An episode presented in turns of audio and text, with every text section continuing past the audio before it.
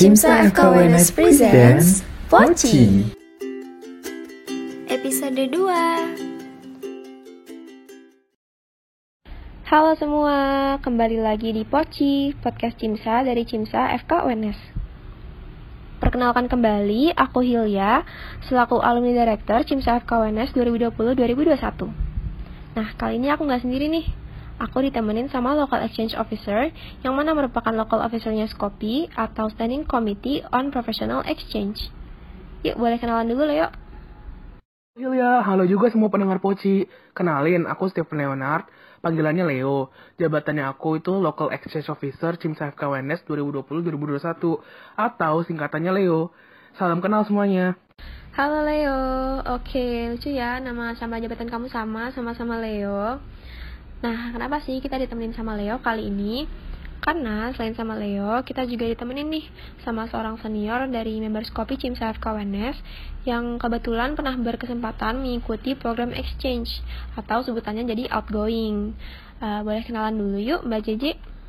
Hai semuanya, perkenalkan nama aku Faiza Nur Narendra atau biasa dipanggil JJ um, aku adalah outgoing tahun lalu tahun 2019 tepatnya bulan Juli uh, dengan negara tujuan Ceko. Nah di sana alhamdulillah aku dapat kotanya di Praha dan aku belajar di uh, Motol Hospital di sana dan di departemen onkologinya gitu.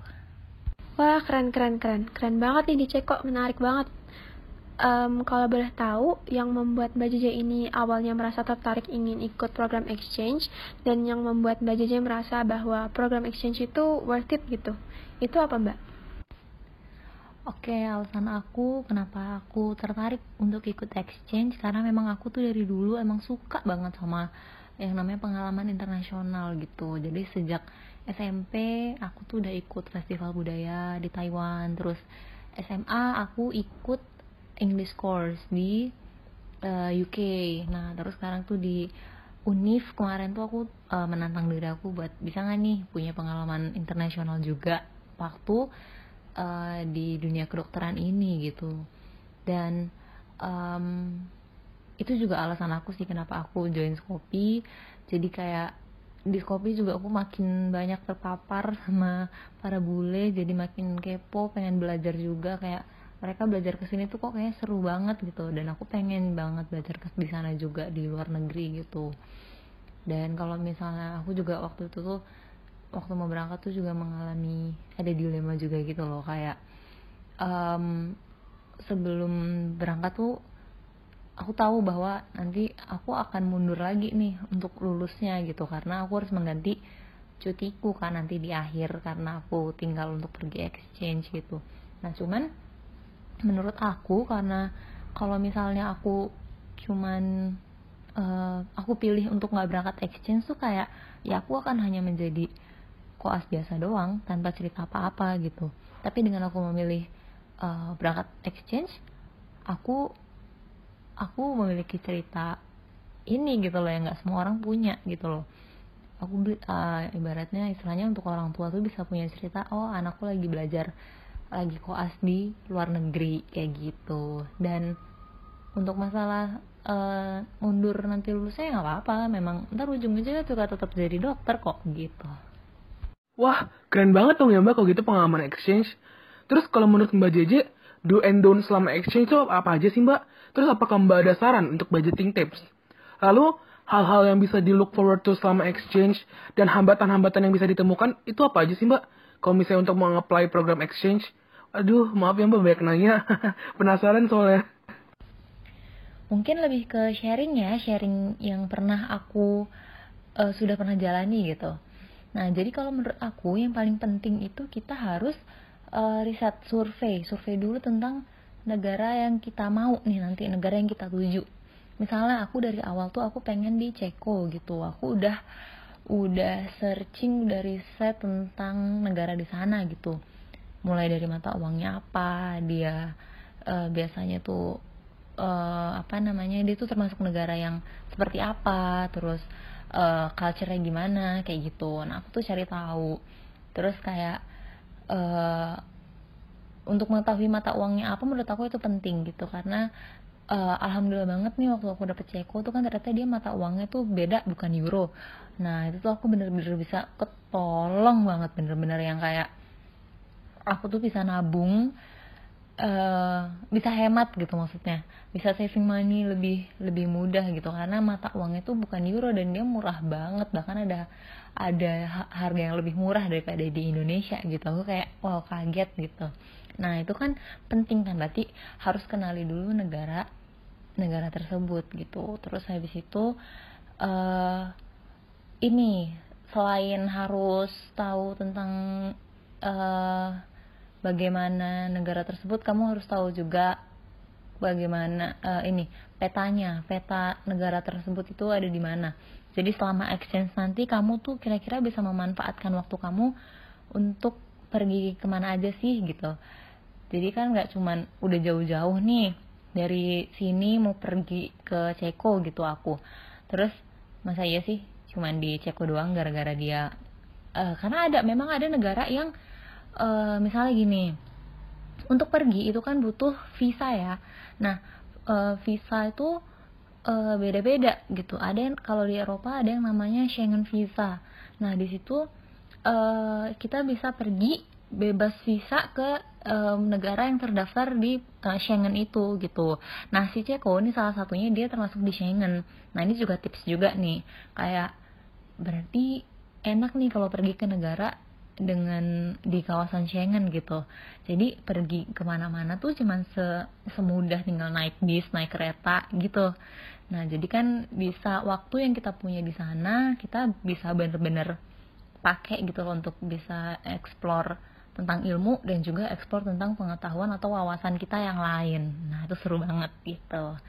Terus kalau misalnya untuk budgeting tips, menurut aku um, ini sebisa mungkin cari dulu cari apa ya namanya ya sponsorship atau kayak uh, beasiswa atau carilah dana yang bisa membantu gitu menurut aku ketika dibutuhkan ya. Kayak misalnya kalau aku sih prinsipnya sih bisa mungkin uh, peluang apa nih yang aku punya aku coba dulu. Perkara entar nggak dapet atau gimana yang penting udah dicoba. Dan aku kemarin waktu berangkat kebetulan di UNS tuh ada namanya Global Challenge. Nah dan uh, itu aku uh, alhamdulillah didanai oleh uh, jadi aku daftar melalui international office. Di Unif tuh ada memang ada dana yang disediakan untuk uh, untuk para mahasiswanya yang mau pergi melakukan exchange gitu. Dan itu alhamdulillah sangat membantu. Jadi untuk tiketku pulang pergi itu uh, dibayarin sama uh, Unif jadi aku nggak bayar gitu loh. Terus sama dapat living cost juga. Dan itu lumayan banget. Jadi uh, tips selanjutnya adalah cari tahu uh, dana apa yang bisa kamu manfaatkan. Gitu. Terus habis itu uh, kalau misalnya obstacles mungkin kayak jadwal yang kamu punya saat ini gitu. Kayak misalnya kamu sedang uh, semester 6 gitu. Terus kamu kendala apa nih? Kalau aku pergi exchange ntar berarti aku nggak bisa ngurus ini dong nggak bisa ngurus itu dong gitu. Atau kalau misalnya koas oh berarti aku harus cuti kelas dong kayak aku uh, yang tadi udah aku ceritain. Nah itu sebenarnya uh, balik lagi ke diri masing-masing gitu. Nanti uh, kalau misalnya ternyata nggak mau mundur lagi kelasnya itu bisa jadi kayak uh, ya deh aku cancel aja gitu. Nah tapi dipikir lagi tadi uh, apa positif dan negatif. Maksudnya keuntungannya apa gitu. Terus habis itu uh, bisa juga nanti ternyata pas apply ah aku nggak dapat negara yang aku pengen. Ya gitu. Nah jangan dulu nyerah gitu loh. Siapa tahu dengan kamu dapat negara itu justru kamu bisa belajar banyak di situ atau jangan dulu nyerah gitu loh karena masih bisa ada change untuk tukeran. Jadi karena aku juga aktif di Shopee ya nah jadi udah paham banget tentang per exchange kan yang kayak gitu-gitu bahwa masih tetap nanti bisa tukeran atau mengisi kontrak yang kosong kayak gitu. Jadi jangan sedih dulu kalau misalnya nggak dapat negara yang diinginkan kayak gitu Hmm, ya bener-bener setuju banget sih mbak. Emang banyak banget hal-hal yang harus kita perhatikan ketika kita pengen apply untuk program exchange. Terus aku juga mau tanya nih mbak, sebenarnya saat seseorang sedang melakukan program exchange itu mereka ngapain aja ya? Nah, jadi ngapain aja sih kalau exchange program tuh kita tuh um, di sana istilahnya simpelnya nih koas kan biasanya kita koas di sini nih tapi ini tuh kita beda tempat koasnya tuh kita dipindah ke luar negeri gitu di negara tujuannya gitu. Nah tapi uh, di sana tuh kita sama ada yang ngawasin ada supervisornya satu orang kayak gitu. Nanti kita mengikuti kegiatan tersebut. Contoh aja ya contoh nih aku uh, kemarin di departemen onkologi. Nah aku punya satu supervisor Nah, si supervisor itu bertanggung jawab untuk mengajarkan aku selama aku di sana gitu. Jadi aku diizinin uh, kita ya, kita sebagai uh, professional exchange ke sana gitu, kita akan uh, mendapatkan izin untuk bisa uh, hands on atau cuma sekedar observe doang tuh kita bisa. Nah, tergantung makanya kita harus yang aktif. Misalnya nih, aku kemarin di departemen onkologi. Oh, ternyata setiap pagi aku tuh tiap pagi ada uh, morning conference. Terus habis itu udah selesai morning conference-nya aku lanjut untuk ke Bangsal. Aku ngikut tuh ke Bangsal terus aku uh, apa boleh anamnesis terus aku boleh uh, lakuin uh, pemeriksaan fisik. Terus habis itu udah ternyata di onkologi cuma gitu doang. Yang penting pasiennya aman stabil pre maupun post kemoterapi. Nah terus kan kita empat minggu tuh di sana. Nggak mungkin kan aku cuman anamnesis dan uh, pemeriksaan fisik doang gitu. Berarti dikit dong aku dapat nah kita harus aktif. Aku aktif waktu itu. Aku bilang gini ke supervisor aku dok boleh nggak kalau saya uh, ikutan uh, pengen tahu tentang radioterapi tentang brachyterapi boleh nggak dok? Itu pakai bahasa Inggris ya gitu. Nah uh, aku terus ternyata si supervisornya bilang oh boleh boleh aku teleponin ya ke supervisor di radioterapi dan brachyterapi gitu.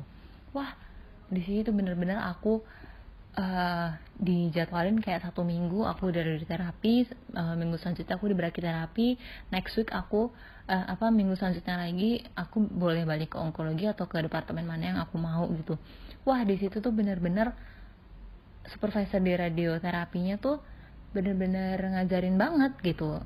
Diajak kita di latihan uh, apa di, diminta untuk latihan ngekultur uh, gambaran CT, gambaran MRI, terus di brachyterapi juga kita diajakin ke masuk ke ruang operasi walaupun cuman observasi doang tapi uh, itu pengalaman yang wow wow banget gitu loh nah bahkan si supervisor aku di radioterapi dia mengajarkan uh, lebih daripada hanya di rumah sakit itu gitu loh. Kita diajak ke another part of Prague itu kita kayak diajak uh, ngelihat proton therapy center.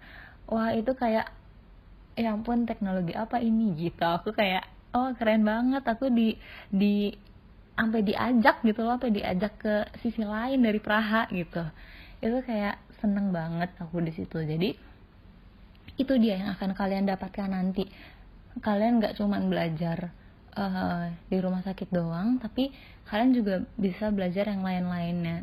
Dari mana pun itu bisa dari teman teman satu uh, satu apa satu asrama kalian atau dari supervisor kalian yang misalnya sekedar ada loh yang diajak ayo makan malam di rumah saya di sama keluarga saya gitu. Jadi diajak gitu ntar makan malam nyobain makanannya di sana gitu. Nah kalau misalnya aku sih uh, senengnya kemarin karena aku bareng sama 46 orang uh, incoming 46 orang incoming dari uh, banyak negara gitu loh. Jadi kayak wah aku seneng banget. Itu kenal dari banyak banget orang banyak banget culture super happy deh. Dan aku beruntung sih aku ngevideoin semua momen ngefoto semua momen. Jadi kayak aku masih mendokumentasikannya. Dan sudah aku up upload di IGTV ku. Jadi kayak itu sungguh-sungguh sangat worth it banget. Ibaratnya kalau misalnya aku disuruh uh, apa namanya me menyarankan gitu ya udah ikut exchange aja itu asli seru banget banyak banget yang kalian dapat Menarik banget dong kalau misalnya kayak gitu. Lalu kalau misalnya pengen jadi seorang outgoing, apa aja sih mbak yang harus disiapkan? Ya itu tadi ya, kalau untuk yang disiapin berarti ya sama aja kayak tadi aku bilang survei dulu, terus uh, oh ya kalau misalnya mau berangkat tentunya dilihat negara itu butuh apa kan? Misalnya uh, ini terkait dengan dokumen ya. Misalnya kayak butuh visa butuh paspor butuh booking hotel bla bla bla. Itu tuh uh, itu harus benar-benar diperhatikan banget gitu ya. Kayak misalnya visanya tuh ngurusnya di mana sih gitu. Terus uh, siapkan waktu. Kalau misalnya uh, oh aku sekarang lagi ngurus ini nih di kampus atau lagi lagi stase ini nih di koas gitu. Berarti aku akan butuh bulan ini satu satu bulan untuk mempersiapkan ini. Ntar aku harus butuhin butuh sekian hari untuk ngurus visa. Nah kayak gitu gitu harus timelinenya harus diatur kayak gitu. Karena ngurus visa itu e, membutuhkan dokumen-dokumen yang penting gitu kayak misalnya KTP, KK, surat dari kampus, terus habis itu surat rekomendasi, vaksin. Nah, vaksin sendiri gitu-gitu kan butuh waktu gitu kan. Jadi kayak waktunya harus dipersiapkan, cari tahu lebih awal tentang negara tersebut, tentang dokumen apa aja yang dibutuhkan. Terus kalau misalnya juga pengen ajukan beasiswa, e, cari tahu juga e, dokumen apa yang dibutuhkan untuk beasiswa tersebut. Jadi ada waktu untuk menyiapkan dokumen-dokumen itu gitu. Yang paling penting adalah itu. Terus karena nanti bikin visa tuh juga harus ada perlu itinerary ya jadi perlu belajar juga tentang uh, negara tujuan kita terus uh, ini sebenarnya ada tips nih kalau misalnya bikin itinerary apa apply visa atau bikin iti, um, bikin itinerary-nya itu adalah gimana supaya orang yang mau ngeluarin visa buat kita tuh yakin gitu bahwa kita tidak akan menjadi gelandangan di negara mereka gitu loh.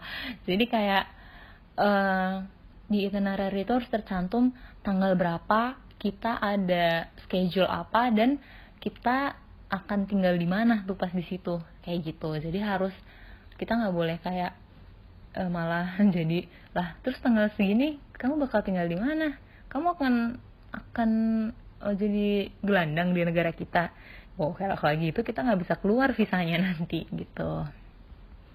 Terus uh, cara pesen tiket kayak nanti kalian akan tahu yang namanya tiket sama visa itu kayak telur dan ayam gitu kayak dulu duluan terkadang ada visa yang nggak mau ngeluarin visa ketika kita belum punya tiket pesawat gitu. Sedangkan tiket pesawat itu butuh visa juga gitu untuk beli tiket pesawat gitu. Nah nanti akan ada namanya dummy tiket untuk pesawat kayak gitu. Jadi ntar uh, kita tetap bisa apply visa walaupun kita belum belum membayar sepenuhnya untuk si dummy tiket eh untuk si tiket pesawat itu gitu. Dengan ada dummy tiket gitu. Terus ya disiapkan uh, ada beberapa aplikasi-aplikasi yang nanti bisa memudahkan ketika uh, exchange nantinya terus habis itu penting juga untuk sebelum berangkat tuh bikin uh, apa international student card. Nah itu tuh wah itu apalagi ya kalau aku di Eropa pengalamanku kemarin itu sangat amat memudahkan kita sebagai student. Diskonnya super banyak banget banyak banget. Jadi uh, akan membantu kita untuk berhemat gitu. Terus habis itu siapin juga um, Google Maps aplikasi-aplikasi contoh seperti itulah terus karena itu akan sangat memudahkan Google Maps dipakai di sini sama di sana tuh beda gitu loh. Uh, di sini mungkin kalau misalnya kita mencari dari sini mau ke sana gitu, itu enggak, itu hanya keluar kita saran untuk naik motor, naik mobil, naik uh, kereta gitu berapa lama sih gitu nah tapi kalau misalnya di luar itu tuh uh, kita dari sini mau ke rumah sakit gitu. Nah itu tuh udah langsung keluar kita harus naik bis apa atau tram apa atau uh, apa undergroundnya nomor berapa gitu. Nah itu tuh sangat berguna banget itu terus uh, ya persiapkan segala yang kita butuhkan kayak misalnya kita udah punya koper atau belum apakah kita akan menggunakan koper yang sebesar apa nantinya gitu. Itu harus dipersiapkan sih hal-hal kecil kayak gitu. Oh seperti itu ya mbak. Oke deh mbak. Untuk pertanyaan terakhir aku mau nanya nih mbak. Kalau misal saat liburan dan tidak ada kegiatan koas gitu apa aja sih mbak yang mbak lakuin di negara exchange? Nah ini tadi yang aku jelasin tadi nih. Yang kita harus tahu uh, negara yang mau kita tuju tuh di sebelah mana sih di peta tuh gitu. Jadi ketika aku libur dan nggak ada kegiatan koas, di sini adalah waktu aku untuk uh, explore tentang wawasan tentang culture di sana gitu, atau di negara sekitarnya. Nah, jadi kan uh, misalnya aku di Praha nih, aku nggak nggak diem doang di Praha gitu. Ya mungkin ya kan satu bulan tuh lama ya, jadi kita bisa setiap pulang dari RS kita bisa mampir ke museum mana atau ke mana ke bangunan bersejarah apa monumen apa gitu kan. Nah itu hari-hariku ketika pulang dari rumah sakit gitu. Nah tapi ketika aku di sana kan saat Jumat Sabtu Minggu tuh aku bisa pakai waktu aku untuk pergi ke negara sekitar. Karena apa? Karena aku pilihnya di Ceko. Ceko tuh di tengah aku bisa pergi ke Austria bisa pergi ke Jerman bisa pergi ke Hungari gitu. Nah jadi aku selalu menggunakan tiap hari Jumat tiap hari Jumat sore itu aku selalu e, melakukan perjalanan untuk, pergi ke luar negeri gitu. Jadi padahal cuma naik bis doang ya kan? Tapi tetap aja ke luar negeri gitu. E, aku misalnya contohnya aku Jumat e, sore aku pergi ke Hungari gitu. Nah minggu siangnya itu aku udah otw balik. Udah otw balik lagi ke Praha. Nanti harus neneknya masuk ke RS lagi. Nah kayak gitu. Jadi itu pentingnya kenapa kita harus tahu negara kita tuh posisinya di mana sih kayak gitu. Sama uh, mata uang di negara-negara yang akan kita tuju nanti tuh apa sih gitu. Jadi uh, sama kita tuh bisa tahu kita harus bawa uang. Kalau mau bawa uang cash di sana tuh enaknya bawanya apa? Bawanya dolar apa bawanya euro apa bawanya mata uang yang sesuai sama kota itu gitu loh. Nah terus uh, selain negara ya mungkin jadi itu tadi ya kalau misalnya tiap weekend aku pergi ke negara-negara lain. Tapi kalau misalnya selain um, selain apa namanya? Selain neg apa negara lain kita juga bisa ke kota lain. Jadi kan aku di Praha nih. Nah aku juga bisa pergi ke kota lain. Ibaratnya kita lagi di Solo kita bisa ke Bandung gitu. Nah aku pergi waktu itu ke kota lain mengunjungi incoming aku empat tahun yang lalu. Ih seru banget ya tuh. Nah uh, jadi di situ aku bilang sama dia dulu waktu dia datang ke sini semoga aku bisa ke Ceko ya bisa nyamperin ke kamu ke rumah kamu gitu. Ya waktu itu kan masih cuman angan-angan doang ya gitu. Tapi pas ternyata jadi kejadian tuh rasanya tuh kayak ya ampun ini unbelievable unbelievable moment banget ini gitu. Dan aku banyak memiliki unbelievable moment sih. Uh, yang waktu aku ke Hungari itu aku juga menemui untuk datang untuk menemui incoming aku satu tahun yang lalu gitu. Wah itu seneng banget rasanya. Jadi uh, apa ya dengan kita punya teman banyak di di luar gitu kayak uh, kita semakin bisa memanfaatkan exchange kita gitu loh. Jadi um, beruntunglah bagi kalian yang memiliki kesempatan untuk bisa berteman dengan uh, dunia luas. Nanti kalau misalnya kalian dapat kesempatan untuk exchange kalian manfaatkanlah kesempatan itu gitu loh dan oh ya sama. Ini uh, tips lagi ya.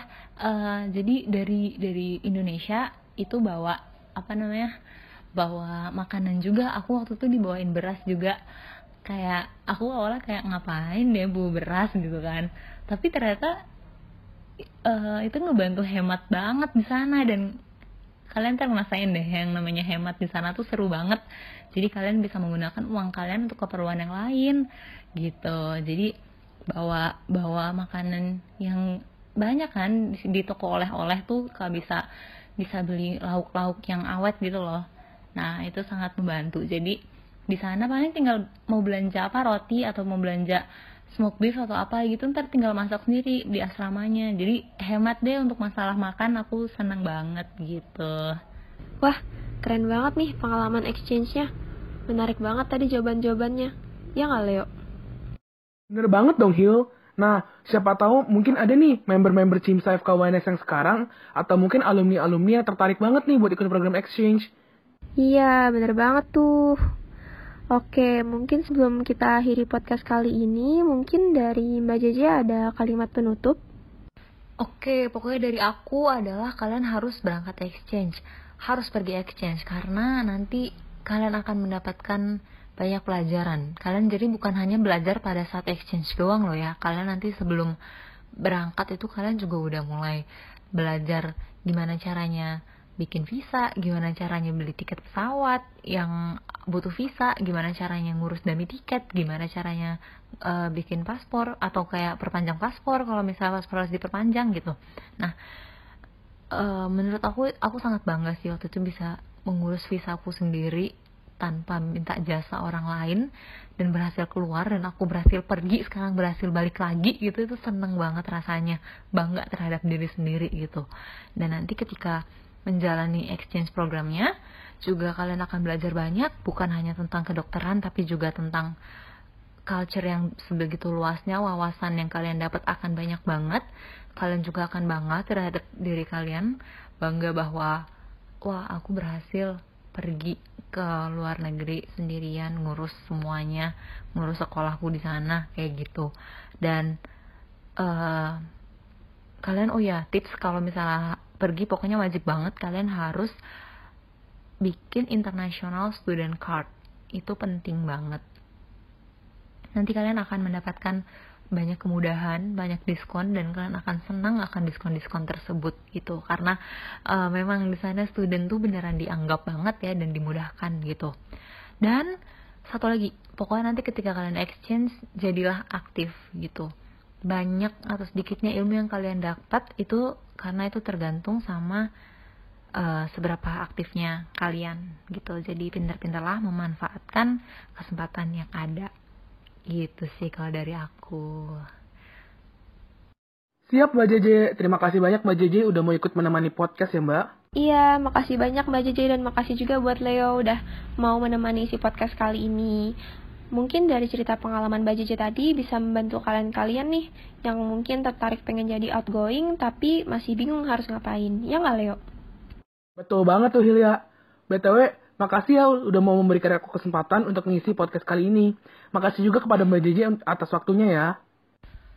Iya, sama-sama Hilya dan Leo. Makasih juga udah diajak main-main sharing di podcast ini. Makasih ya, sukses terus. Sip. Dan tentunya terima kasih juga buat para pendengar Poci. Uh, nantikan terus ya episode kami selanjutnya. Terima kasih. Thank you for joining us on Pochi. And also be sure to tune in for our next episode. Jimsa, empowering medical students, improving nation's health.